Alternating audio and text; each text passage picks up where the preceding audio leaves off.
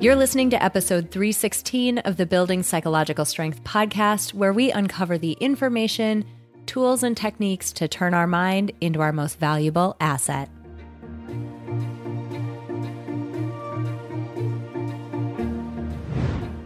Welcome back to the Building Psychological Strength podcast. On this podcast, we explore the very nature of our minds, how they work, and how they shape our life experience. We believe that life is finite and precious. We know that our minds provide a powerful lens through which we experience the world, and we choose to take responsibility for building psychological strength to craft a life experience that's worth living. I'm Dr. April, a social cognitive psychologist and life design strategist, and I'm so glad you're here. Ashley and I have been doing quite a few workshops these days centered around what psychological strength is and what the components are that make it up. And there's one component that consistently generates more confusion and more questions than any of the others. And that topic or that component is mindfulness. Now, the skill of mindfulness sits at the center of our wheel of psychological strength. And it's the core of psych strength for a really good reason. The thing is, you need strong mindfulness skills to develop skills in any and all of the other areas. So, your relationship with your thoughts, it relies on mindfulness. Your you know, emotional intelligence, your relationship with your own emotion. Mindfulness is the foundation of that. Mindfulness impacts your relationships, your sense of self, it interacts with your habits and your behavior, and it's an important component in life design. It really is the core of everything about psychological strength. However, it frequently gets confused with sort of other skills and techniques in the same genre. Specifically, and one that I want to talk about today, is visualization. So, in today's episode, I want to dig into these two concepts a little bit mindfulness and visualization. And I want to give you a solid understanding about what each of them is. We're going to talk about ways that they're similar. More importantly, we're going to talk about ways that they're different. And we're going to talk about when to use each one of them because they're both useful for very different things. Let's dive in.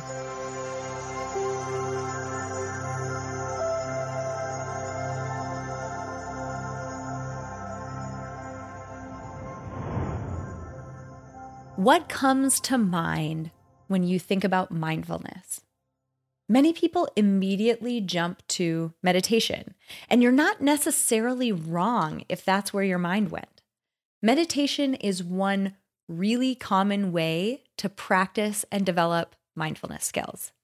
So, put simply, mindfulness is just our ability to psychologically and mentally be in the present moment.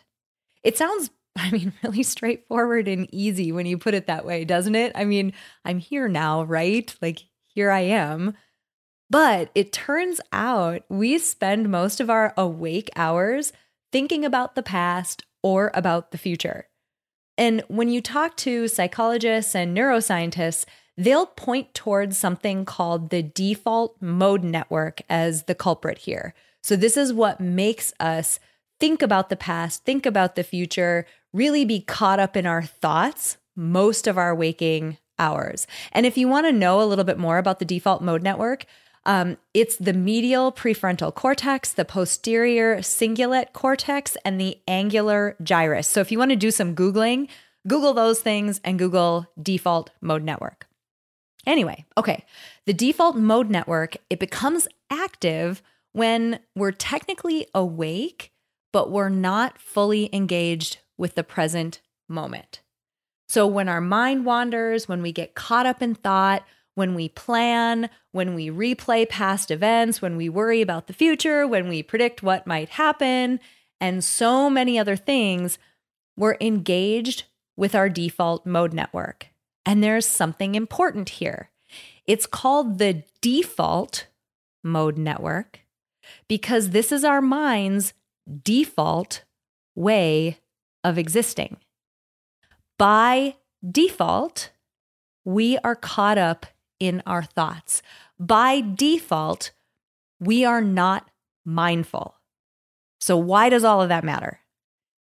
The thing is, when we're engaged with our default mode network, so again, most of the time, this means that we're not being mindful. And this is the case, like I said, for the vast majority of the time that we're awake. Our default state is to be lost in thought. I mean, think about it. We've said it over and over on the podcast. Our minds are thought generating machines. So if you go back to the concept of mindfulness, what mindfulness refers to is the not default, the opposite, when we're not lost in thought, when we're actively and fully in the present moment. And again, this is important. Let's go even deeper here.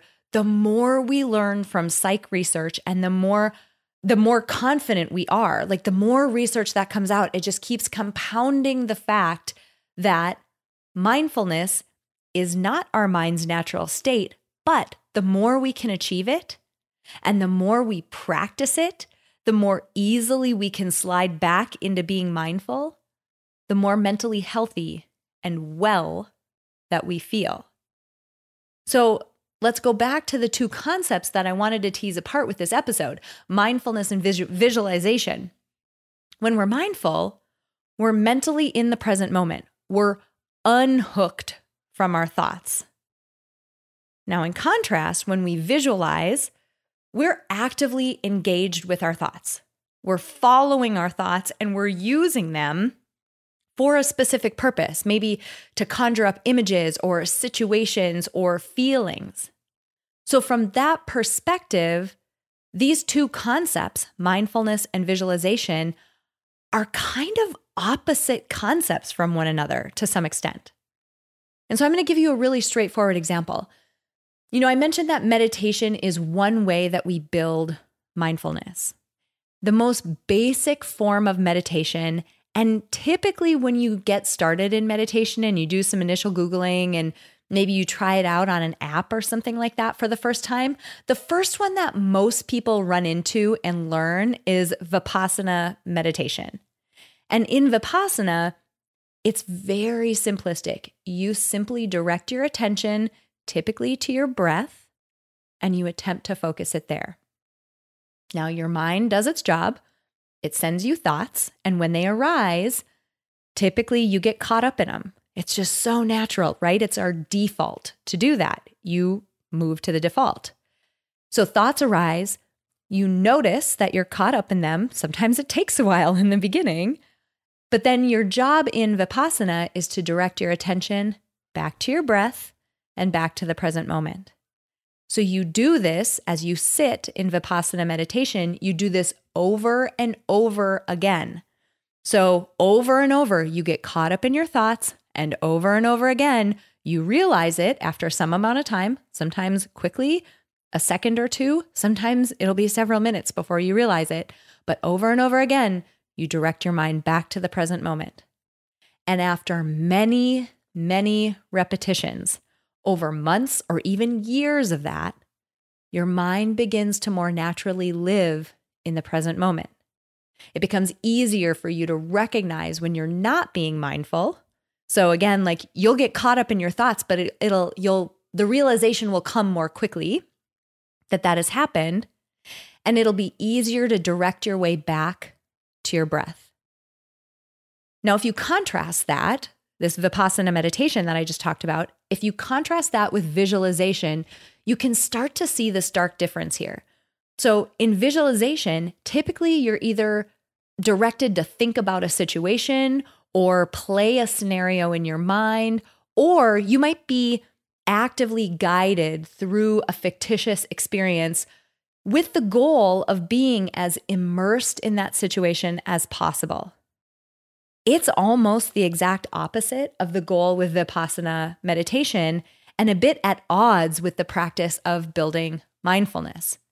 If you're intentionally putting yourself in a situation that is not the present, if you're intentionally hooking onto your thoughts, by design, by definition, you're not in the present moment. And now I don't want you to get the wrong idea here. So let me just make this very clear. There is incredible utility to visualization. I'll get to that in just a second. So put a pin in that note, but just know there is there's amazing value you can get from a visualization practice. But I want to draw a really clear distinction between mindfulness practices like meditation or vipassana, like we talked about, and practices like visualization. And the reason for this goes all the way back to how I introduced this episode. If you look at the psych strength wheel, you see that mindfulness sits at the core. And when we talk about building mindfulness skills for the purposes of psych strength, we're focused, focused on your ability or building your ability to keep your attention in the present moment, to unhook from your thoughts. To put it simply, as, as you know, amazing meditation practitioners have said it, to be here now. What we're not referring to is your ability to visualize something that might happen in the future. It's a really different skill for a very different purpose. And it's important that you know this because, hey, you're here, right? You're interested in psych strength. So if your goal is to develop the core skill that all of the other psych strength skills are built off of, visualization, it's just not the best way to do that. Rather, an activity like Vipassana meditation, focused being focused on your breath, being focused on a particular object, uh, being focused on you know sensations that your body might be feeling, the weight of your body, being focused on sounds in the room. I mean, it really doesn't have to be just your breath to build this type of mindfulness, but the point is you're focused on something that is here in the present moment, and what you are trying to not do is get hooked from your thoughts. Right? So that type of activity, that type of meditation or mindfulness skill, that's really the way to go for psych strength. Practicing visualization sometimes can get confused with meditation or sometimes used interchangeably. And I wanted to take some time this week because we've been hearing this so often over and over again. I want to tease those concepts apart to make sure that you're really making the most of your psych strength practice. So you're probably asking, okay, awesome. How do we do that? And how do we move forward? That is exactly where we're going to go next.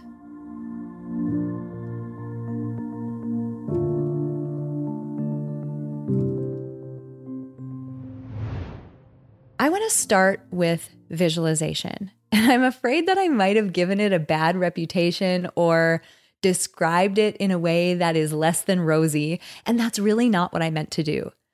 The main thing I want you to know about it is that it's not what we're talking about when we reference mindfulness at the core of psych strength.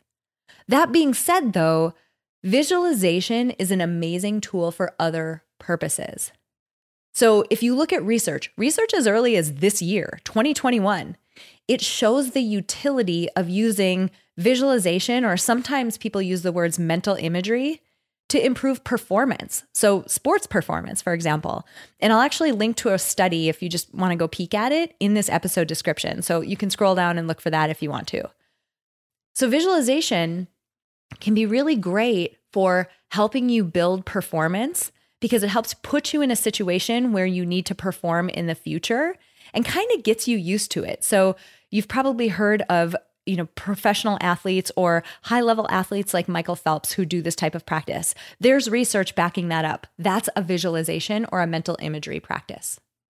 Visualization is also really a powerful tool for life design, but it's a different tool than the way that we've used mindfulness in life design.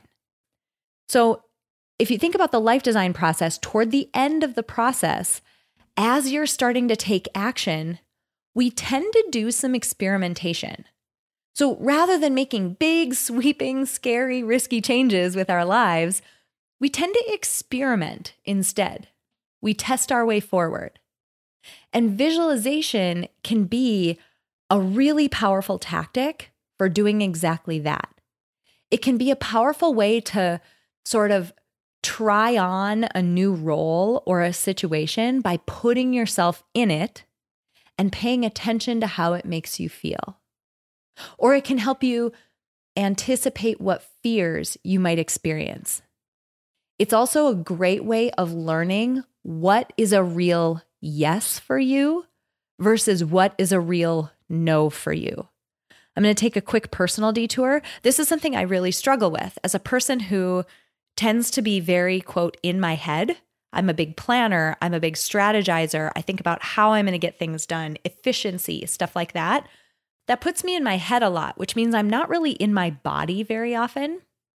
So sometimes it can be hard for me to tell. Like if someone says, Hey, do you want to go do, you know, and then they name something, I immediately go to, Oh, well, how can I do that? How can I fit that in? Sort of the tactics and the cognition of it all, rather than getting present, visualizing myself in that situation, and listening to my body to say, does it feel like something I want to do? Does that situation feel like one that I want to be in? So I wanted to make that really clear because visualization is a really powerful way of experimenting in life design. So I definitely suggest you try it for that. And the last thing that I'll say about visualization is that it tends to be really enjoyable for people. I mean, it's engaging, it's allowing your mind to be active, which again, default mode network, that's what it inherently likes to be. And two, with visualization, so the example that I just gave about trying on a new situation, feeling your body and seeing if it feels like a yes or a no, are you actually excited or not? You get an immediate outcome from it in the form of, you know, feedback or insight into how you'd, you know, you uniquely, how you would react in that situation. It can be really satisfying. So let's contrast that with meditation now. Most, excuse me, most people, when they first begin, I mean, let's just be honest, they really hate it. they really hate meditation. I mean, let's be realistic, it's boring. You're just sitting there, right? You just sit there. And not only that, but once you've done it, why is it that you hate it? It's because your mind won't shut up. You start to see just how often our thoughts intrude and how super annoying it is. The the sentence that I've heard more times than I can count is, "Oh my god, I can't make my mind go blank." I hear it all the time. And the thing is when you're sitting there and you're quiet and you're focused on sounds in the room or or your breath or something like that in the present moment, you see just how often your thoughts intrude. You also start to see how often they're negative or unhelpful. It's just not that fun, especially in the beginning. But regardless of how unfun it is, it's important. You can liken meditation, it's as though, you know, it's kind of like eating your vegetables. It's not as much fun as eating chocolate cake, but it's a necessary activity to maintain your well being. So, in sum, you're here, you're listening to the Building Psych Strength podcast. So, if that's what you want to be doing, if you want to practice and build psych strength, you need to practice true mindfulness. Meditation is a great option, Vipassana is a great option. If you want to do something else like increase performance, or you want to experiment with new realities for life design purposes, visualization is a great option. So, two different techniques, they do two different things, but they get confused with each other so often. And so, I wanted to make sure that we teased that out today. And before we close out, I want to talk about a few resources that you can use to build true mindfulness, the mindfulness that we would see as the core of psychological strength.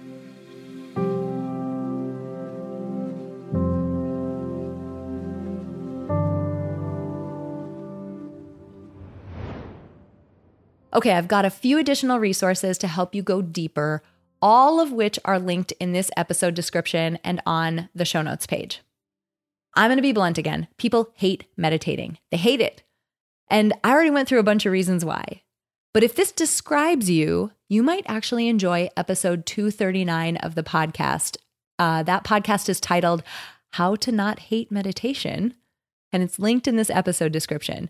We know we're being realistic. Not everybody likes to eat their vegetables. Not everybody likes to meditate. So, hopefully, that episode will give you some good reasons or good tips for getting started and not hating it as much. Also, if you want a tool to help you get started, episode 157 of the podcast features a guest called uh, named Cheryl B. Engelhardt. She is a musician and she released a beautiful album called Luminary. It's music for the purpose of mindfulness. It is stunning. And you can find her episode linked in the show notes below as well. Additionally, the end of that episode has a full track from her album. You can find it on Spotify as well, but you can catch a full track from that album. It is just gorgeous and it's so nice for helping you stay in the present moment. I hope you enjoyed this episode. And if you did, please consider leaving a rating or a review on iTunes or consider sending this episode to somebody that you love. P.S. If somebody sent this to you, it probably means that they think the world of you. And finally, let's remember that time is the most non renewable resource on the planet. And I'm so grateful to each and every one of you who chose to spend some of your precious time with me today. I'm Dr. April Seifert, and I'll see you next week.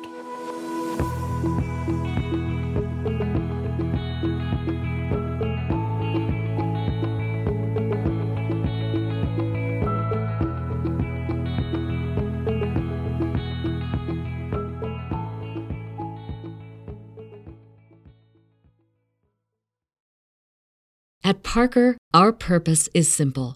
We want to make the world a better place by working more efficiently by using more sustainable practices, by developing better technologies, we keep moving forward.